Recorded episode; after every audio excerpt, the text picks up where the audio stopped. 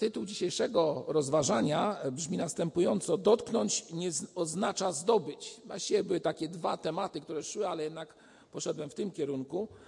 Dotknąć nie oznacza zdobyć. Jest to fragment, który w sposób szczególny zainspirował mnie w ostatnim tygodniu, nawet troszeczkę wcześniej. Mianowicie mm, przeczytałem bardzo ciekawą myśl Cezarego Buszmana, który przedstawił e, w swojej poezji, tak mogę powiedzieć, taką frazę, tekst, utwór poetycki. Pozwólcie, że przeczytam, a Was będę prosił o to, abyście skupili się nad tym, co będzie czytane. Dziś proszę Cię, byś dostrzec raczył, że spojrzeć nie znaczy zobaczyć. Że choćbyś miał żelazne dłonie, to unieść nie oznacza donieść. Że choć pogrążysz się w zadumie, to wiedzieć nie znaczy zrozumieć. Że właśnie o tym milczą groby, że dotknąć nie oznacza zdobyć. Że dotknąć nie oznacza zdobyć. W Ewangelii Łukasza czytamy takie słowo w szóstym rozdziale. I stało się w inny sabat, że wszedł do synagogi i nauczał. A był tam człowiek z suchą prawą ręką. I podpatrywali go uczeni w piśmie i faryzeusze, czy uzdrawia w sabat aby znaleźć podstawę do oskarżenia go. On sam jednak znał myśli ich, rzekł więc do człowieka z suchą ręką: Podnieś się i stań po środku. A on podniósłszy się stanął. I rzekł do nich Jezus: Zapytuję was, czy wolno w sabat dobrze czynić, czy źle czynić? Życie ocalić, czy zatracić? I spojrzawszy wokoło po wszystkich, rzekł do niego: Wyciągnij rękę swoją. A on to zrobił, a ten to zrobił. I ręka jego wróciła do dawnego stanu. Lecz oni pełni szaleństwa rozmawiali między sobą, co by uczynić Jezusowi. Właściwie patrząc na ten fragment, możemy ulec takiemu wrażeniu, że e, dotyczy on kwestii sabatu i o tym powinno dzisiejsze kazanie stanowić. A więc czy obchodzić sabat, czy też nie, czyli dzień sobotni w myśl czwartego przykazania, e, które mówi właśnie o tej sprawie, abyś dzień święty święcił. Oczywiście w chrześcijaństwie utarło się, że tym dniem świętym jest niedziela na pamiątkę e, zmartwychwstania naszego Pana, więc Prowadzone są różne dywagacje na ten temat, jak ta sprawa, się, jak ta sprawa powinna wyglądać. E, także w tym chrześcijaństwie e, protestanckim na ten temat jest dosyć dużo e, zapytań, mowy, czy sobota, czy niedziela. I myślę sobie, idąc tym tokiem, mm, że tak powiem, rozważań ludzi, które są prowadzone przez wieki, że Jezus w tym fragmencie wchodzi na tak zwany tor kolizyjny, tak bym to określił. Tor kolizyjny, z czym? Z pustą tradycją, moi drodzy. Z pustą tradycją, która trzyma się formy, a nie ma tego, co jest najistotniejsze w tym wszystkim. A więc bym powiedział jeszcze dalej, że y, Jezus przez ten fragment dokonuje swego rodzaju oczyszczenia Dnia Bożego.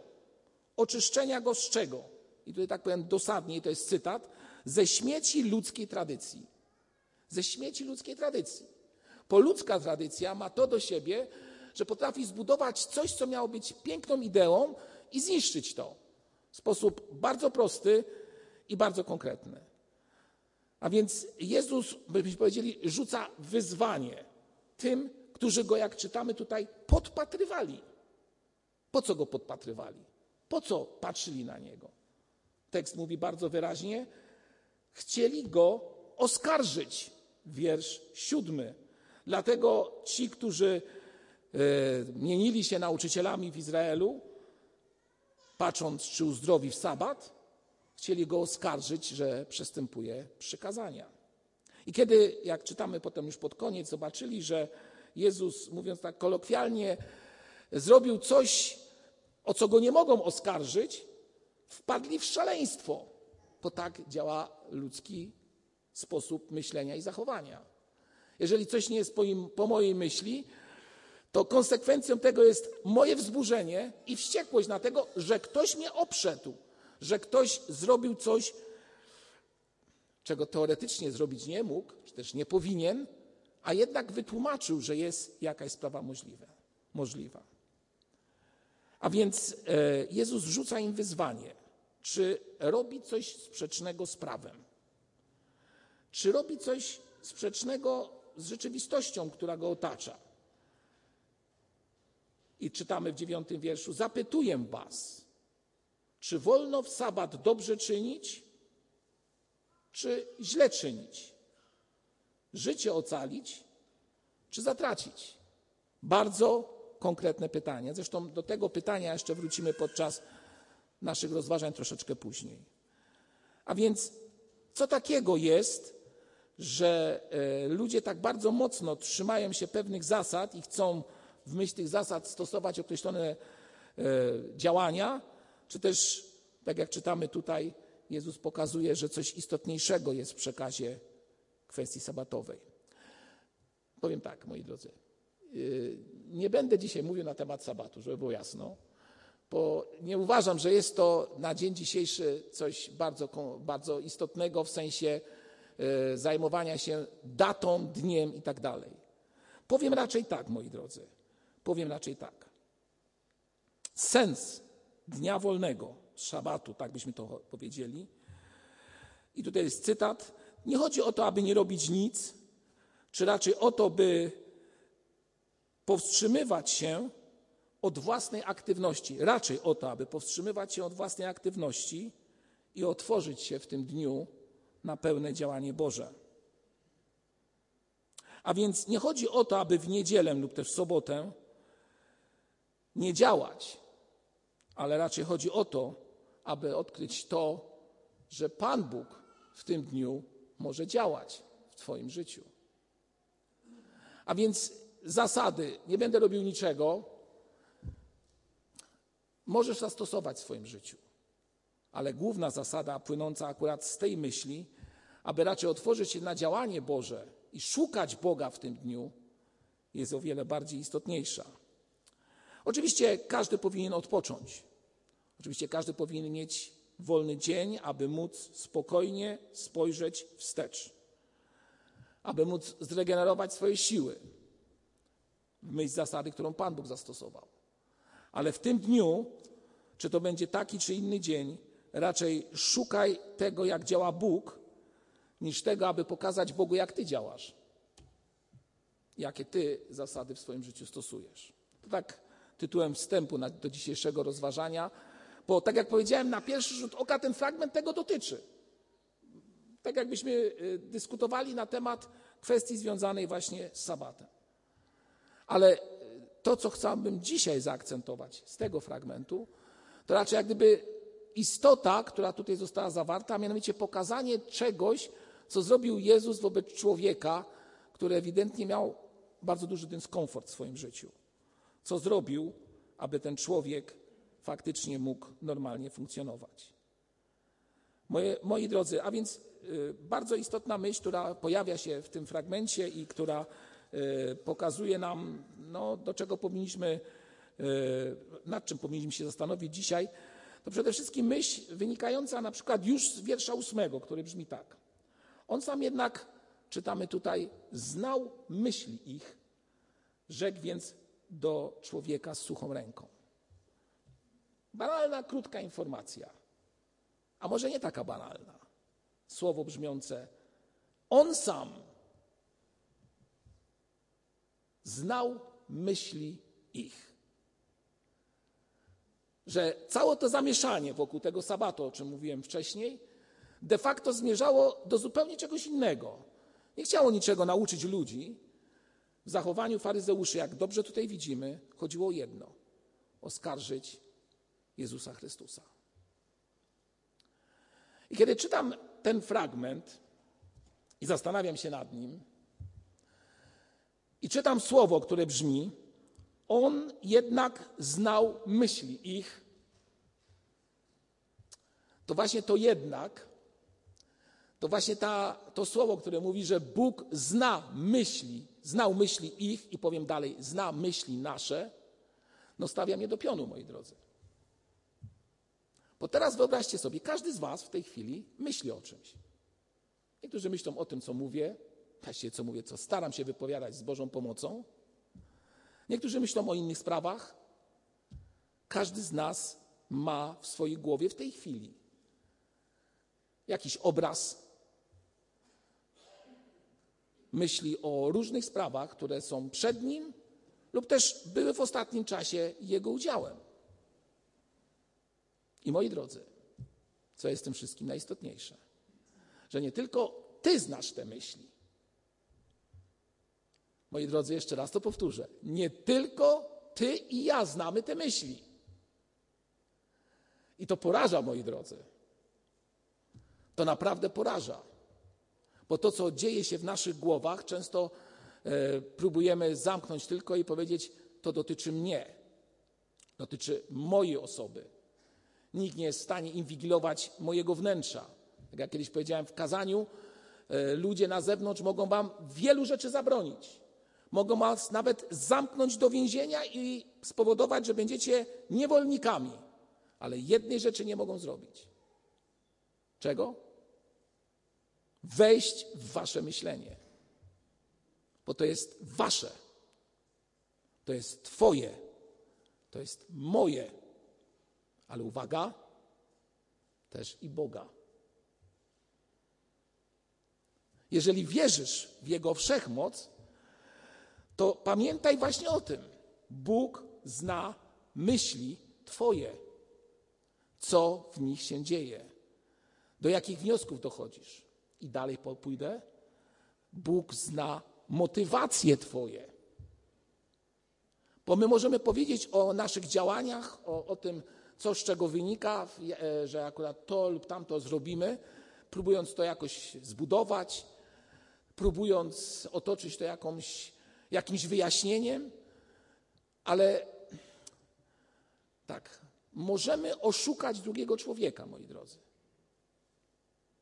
Ale nie jesteśmy w stanie oszukać Boga. Nie jesteśmy w stanie. Dlaczego? Bo On zna myśli i wie wszystko. Więcej, zna Twoje i moje motywacje. Mówię to bardziej ku przypomnieniu, a nie ku przestraszeniu, moi drodzy. Aczkolwiek sam jestem postawiony do pionu, gdy o tym pomyślę. To z całą, pełną świadomością tego mówię, do, mówię to do Was. Ale moi drodzy, powiem tak. Kiedy wypowiadamy słowa wielu na skutek doświadczenia, praktyki życiowej, e, dojrzałości, waży słowa, które wypowiada. Często te ważone słowa są e, poprawne, może nawet i pięknie brzmią, tylko pamiętajmy o jednym, i ja się tego uczę każdego dnia, że ważone słowo to jedno, a kontekst tego ważenia znajduje się w mojej głowie i zna go Pan Bóg. I to powinno doprowadzić nas do y, bardzo takiej istotnej, istotnego działania, czy, tak, czy też refleksji w życiu, że Pan Bóg czyta to, co jest w Twoim sercu.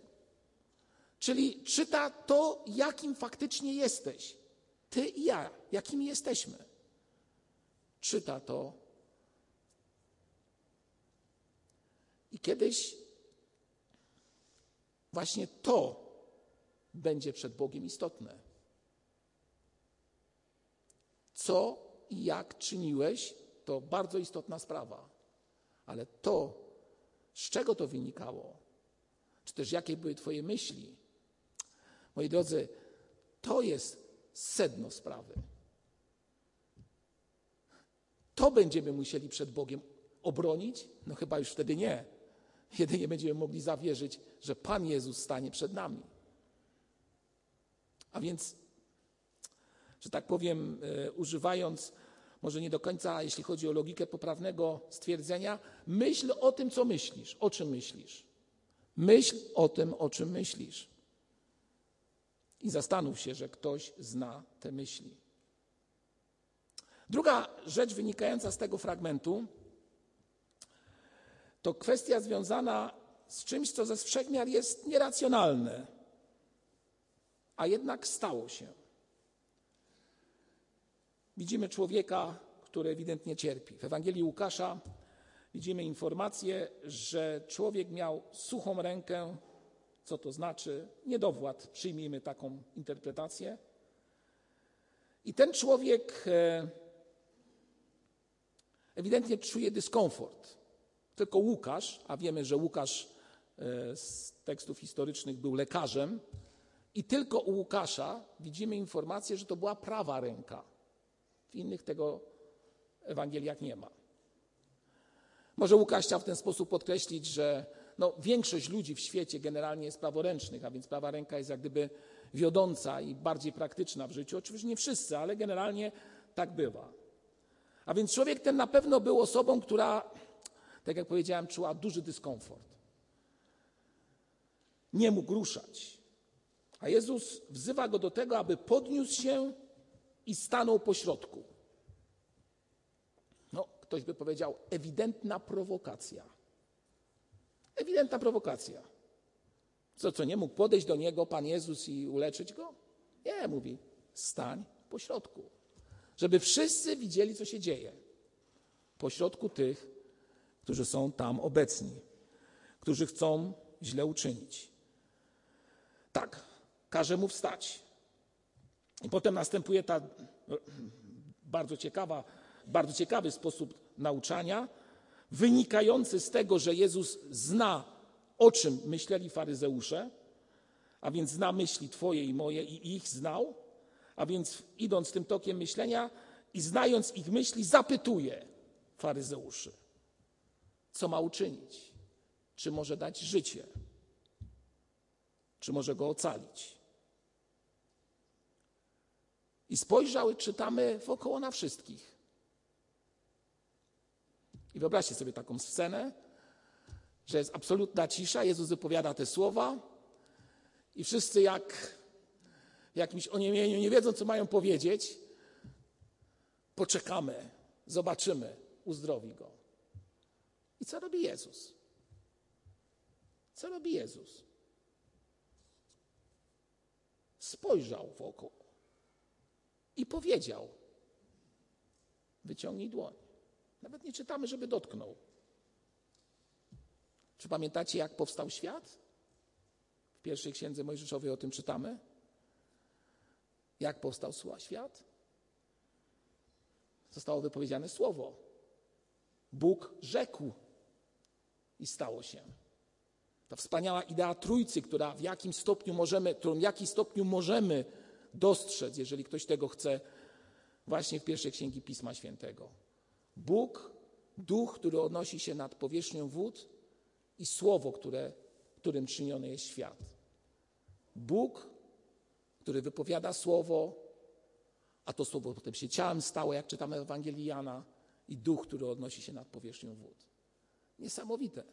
W pierwszej księdze Biblii, w pierwszym fragmencie widzimy, jak Bóg działa.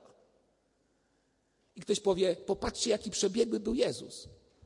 On niczego nie zrobił, aby nie dać satysfakcji tym, którzy go chcieli oskarżyć. Co zrobił Jezus? Wypowiedział słowo. Bo taki jest Bóg. On wypowiada słowo i to wystarczy. Absolutnie wystarczy we wszystkim. To człowiek powinien lub też może odpowiedzieć na słowo Jezusa. I ten człowiek to zrobił. Ale moi drodzy, tutaj znowu widzimy paradoks i trudność wytłumaczenia tej całej sytuacji. Dlaczego? Dlaczego, że Jezus mówi, aby wyciągnął dłoń, która była bez, bezradna, niewładna. No jak mógł to zrobić? No musiał dać jakiś z wiary wynikającej rozkaz tej ręce, aby została wyciągnięta, tak? No powinien to zrobić. Więc w tym momencie rozpoczyna się co w życiu tego człowieka? Rozpoczyna się to, co jest sednem w życiu każdego z nas, a mianowicie akt zawierzenia Chrystusowi. Inaczej, uchwycenia się Chrystusa. Jeszcze inaczej, odpowiedzenia na Jego głos. Jezus mówi, on oczyma fizycznymi widzi, że jego ręka jest sucha i de facto nie można niczego zrobić, a jednak na głos Chrystusa z wiarą otrzymuje siłę, aby tą rękę wyciągnąć. Tak zwane współdziałanie. Bóg rzekł, a ty powinieneś, ja powinienem na ten głos odpowiedzieć. No właśnie, czy jesteśmy w stanie odpowiedzieć na ten głos? Jak możemy wierzyć? Jak możemy przyjąć ten głos? Jak możemy złożyć nadzieję w Chrystusie? Gdy tak mało wiary we mnie. Często mówię, kiedy przychodzą takie trudne sytuacje w życiu, Panie Jezu, pomóż niedowiarstwu memu, bo jestem człowiekiem słabym, a moja wiara jest, mieni się wiarą mającą tam jakieś, jakieś doświadczenie, czy też ilość lat, ale w ekstremalnych sytuacjach jest wiarą słabą. Nie bójmy się powiedzieć tego, że wszystko, co mamy, mamy dzięki Chrystusowi, a nie dzięki własnej sile i dzięki własnemu działaniu. Popatrzcie, nie czytamy tutaj o tym, że ten człowiek zaczyna dywagować nad tym, czy tą rękę wyciągnąć. I może zadaje pytanie Chrystusowi, no jak mam tą rękę wyciągnąć, Panie, jak ona jest sucha? On nie prowadzi żadnych takich dywagacji czy roztrząsającej sprawy związanej z tym, co go dręczy. Jakby ktoś powiedział, właśnie, ten człowiek z suchą ręką, tak troszeczkę filozoficznie powiem, nie prowadzi tak zwanych metafizycznych spekulacji. Nie prowadzi metafizycznych spekulacji. Usłyszał, wierzę i wyciąga dłoń.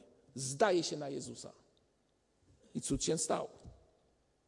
Stanął pośrodku z wyciągniętą dłoną, pomimo własnej słabości.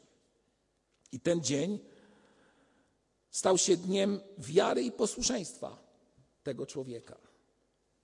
Ale moi drodzy, w tym fragmencie jest jeszcze jedna bardzo istotna myśl. Jeszcze jedna bardzo istotna myśl, oprócz tych dwóch, a mianowicie tych, że Pan Jezus zna myśli Twoje i oczekuje Twojego posłuszeństwa i zawierzenia Jemu jest myśl uzdrowienia nie tyle ręki tego człowieka, ale uzdrowienia wnętrza tego człowieka.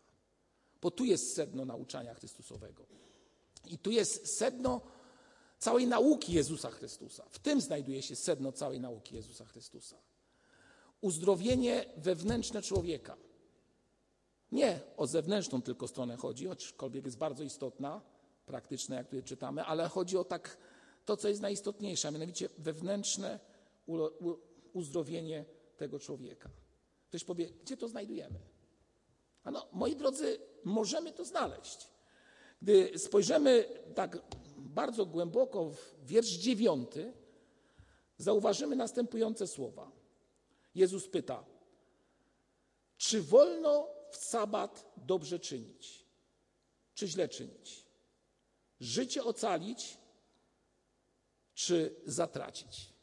I byśmy powiedzieli, no niczego tutaj nie znajdujemy. A jednak, moi drodzy. Mianowicie, kiedy spojrzymy na słowa tutaj zawarte, Jezus mówiąc o ocaleniu życia, oczywiście mówi o praktycznej stronie tego. Człowiek z, z suchą dłonią, nie jest, ręką nie jest w stanie funkcjonować poprawnie. Uzdrowienie daje mu lepszą perspektywę życia. Ale tekst oryginalny pokazuje nam znacznie coś więcej. A mianowicie w tekście pada słowo psyche, co tłumaczyć można dusza.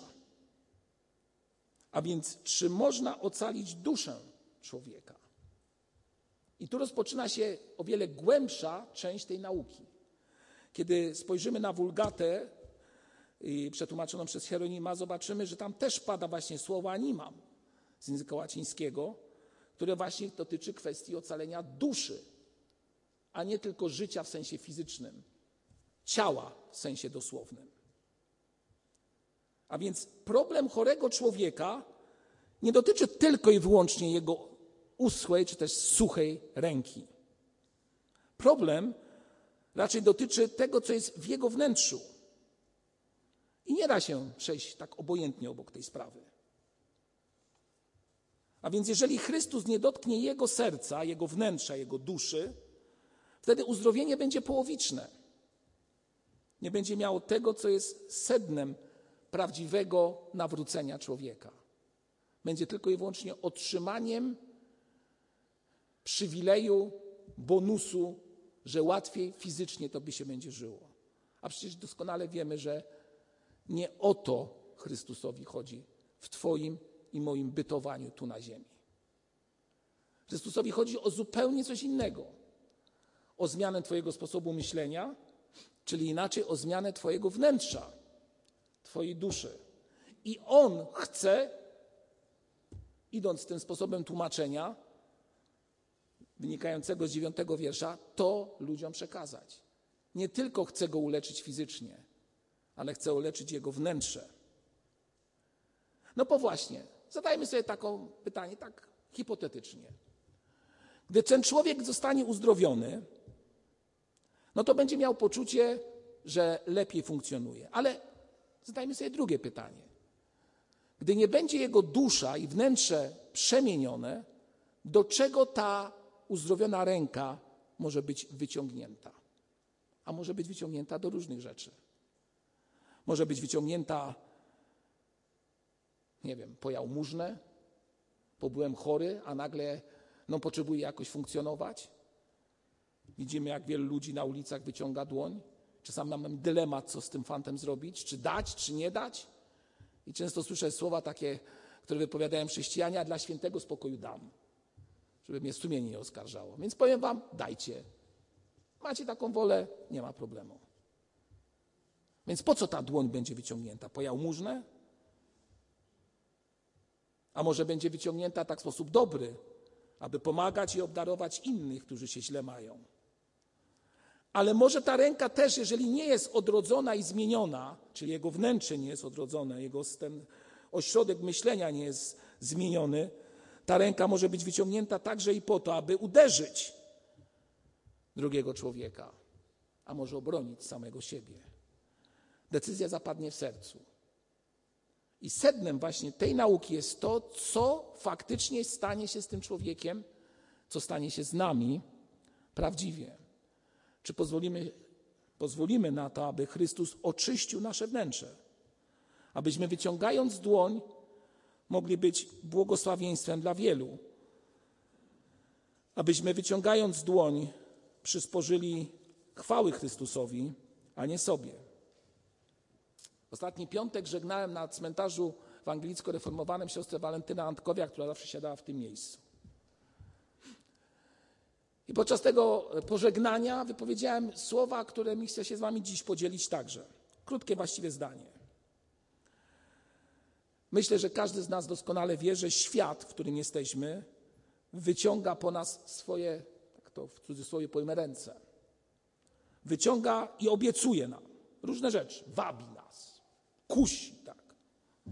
Sprawia w nas pożądanie. Mówi, wyciągnij dłoń, weź to, skorzystaj z tego, co ci niosę. Mam świadomość, że każdy z nas swoimi rękoma musi pracować, aby godziwie żyć. I to jest oczywiste. A więc powiem tak: Twoje ręce możesz dać światu. Możesz dać światu. Aby pracować, aby budować, aby żyć. Twoje ręce możesz dać światu. Ale powiem dalej. Proszę Was i siebie, abyśmy potrafili zachować swoje serce i duszę dla Boga. I kiedy nawet dajesz ręce, to kieruj się raczej myśleniem Bożym niż własnym, własną przyjemnością, doczesnością itd., tak itd. Tak Gdyż Bóg upomni się o swoje prawa. Po to On daje nam, Tobie i mnie, to, co jest potrzebne nam do życia. A więc ręce możesz dać światu, lecz serce zachowaj dla Boga. Chciałbym Was o to prosić, Was i siebie. A więc w tym fragmencie widzimy jak gdyby cztery takie główne myśli.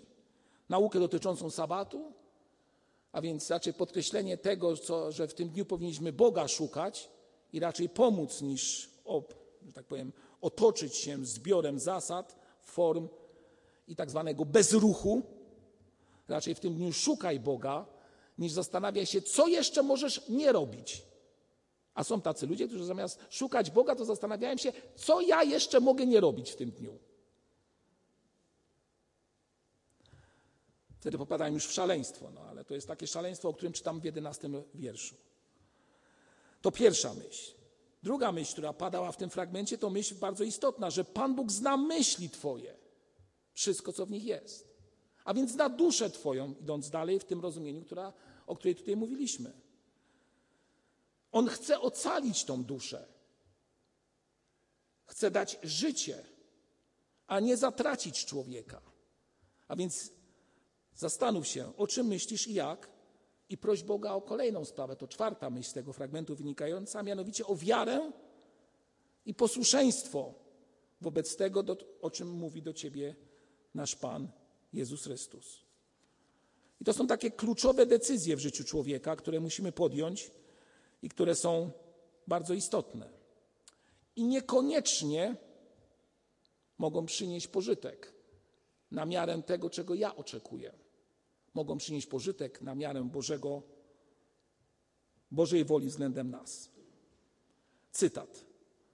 Trzy główne dni w życiu człowieka. Trzy główne dni w życiu człowieka. Pomyślmy, jakie są trzy główne dni w życiu człowieka. Tak każdy sam niech odpowie. Trzy główne dni w życiu człowieka. Główne.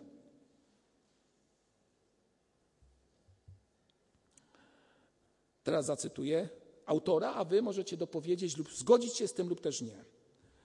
Więc autor mówi tak. Pierwszy dzień to dzień narodzin. To jest główny dzień. Porodzisz się i jesteś. Drugi dzień, bardzo istotny, to dzień twoje, Twojego odejścia, czyli zgonu. Bardzo istotny dzień. Ale też jest trzeci dzień kluczowej refleksji. Uwaga, dzień kluczowej refleksji. Refleksji w Twoim życiu. I tutaj cytat tej, która godzi Cię z życiem. Uwaga, co powiedziałem. Godzi Cię z życiem. Czyli wybierasz i zgadzasz się na to. Trzy dni narodziny, zgon i kluczowa refleksja. Kluczowa refleksja, podjęcie kluczowej refleksji, w której godzisz się na to, aby pójść z Chrystusem na dobre i złe, lub też godzisz się na zupełnie coś innego. Ale to wpływa na ciebie i to stanowi o tobie. Ten człowiek zaufał Chrystusowi, wyciągnął dłoń, która wydawała się, że jest nie do wyciągnięcia. Po co zrobił? Odpowiedział na słowo Jezusa, które jak brzmiało? Wyciągnij. Nic, niczego więcej Chrystus nie powiedział. Tym słowem może być zawierz. Nie wiem, zaufaj. Ale to jest kluczowa decyzja w Twoim życiu. Chciałbym Was prosić, abyście się nad tym zastanowili. Na pewno jesteśmy po pierwszym istotnym dniu w życiu naszym. Tym dniem jest dzień Twoich narodzin. Może wielu z Was jest już po tym dniu tak zwanej kluczowej refleksji. Ale stoimy przed trzecim dniem, którym to wszystko, co się wcześniej zadziało, będzie miało podsumowanie. Będzie miało to podsumowanie. I powiem Wam, że to jest najpiękniejsze, co może być, a mianowicie sprawiedliwość Boża. Niczego nowego nie odkryję. Wszyscy tego doświadczymy. No chyba, że przyjdzie pochwycenie. Daj Boże. A więc te cztery myśli wynikają z tego fragmentu i mogą być jakimś takim e, asumptem, czy też zachęceniem do tego, abyśmy mogli się zastanowić nad tym, jak wygląda Twój i mój czas przed Bogiem, jak wygląda Twoje życie przed Nim. Dlatego dziś proszę Cię, byś dostrzec raczył że spojrzeć, czyli wiedzieć, nie znaczy zobaczyć. Zobaczyć możesz w Chrystusie, przez Chrystusa. Że choćbyś miał żelazne dłonie, to unieść nie oznacza donieść. Własną siłą nie jesteś w stanie niczego zrobić. Nie doniesiesz, nawet chociaż będziesz miał dwie dobre, zdrowe ręce, dłonie, nie doniesiesz tego, co sam nawet zbudowałeś tak, jak chcesz do końca. Bo jesteśmy w takich, a nie innych realiach. A więc choćbyś miał żelazne dłonie, to unieść nie oznacza donieść. Że choćbyś pogrążył się w zadumie, to wiedzieć nie oznacza zrozumieć. Możemy wiedzieć wszystko, posiąść wiedzę tego świata, intelektualnie być bardzo wysoko, ale i tak często ci, którzy są bardzo wysoko intelektualnie, nie są w stanie zrozumieć przyczyny funkcjonowania wszystkiego. Dlaczego? Dlatego, że bardzo często eliminują w tym zrozumieniu Boga. Nie mówię, że zawsze, ale bardzo często. A więc wiedzieć nie znaczy zrozumieć. I ostatnia myśl, że właśnie o tym milczą groby, że dotknąć nie oznacza zdobyć. Nie oznacza, że coś zdobędziesz, gdy dotkniesz. Tylko dotknięcie Chrystusa, który jest ponad grobem, który zwyciężył śmierć, pozwala Tobie i mnie co zrobić? Zdobyć wieczność w Nim.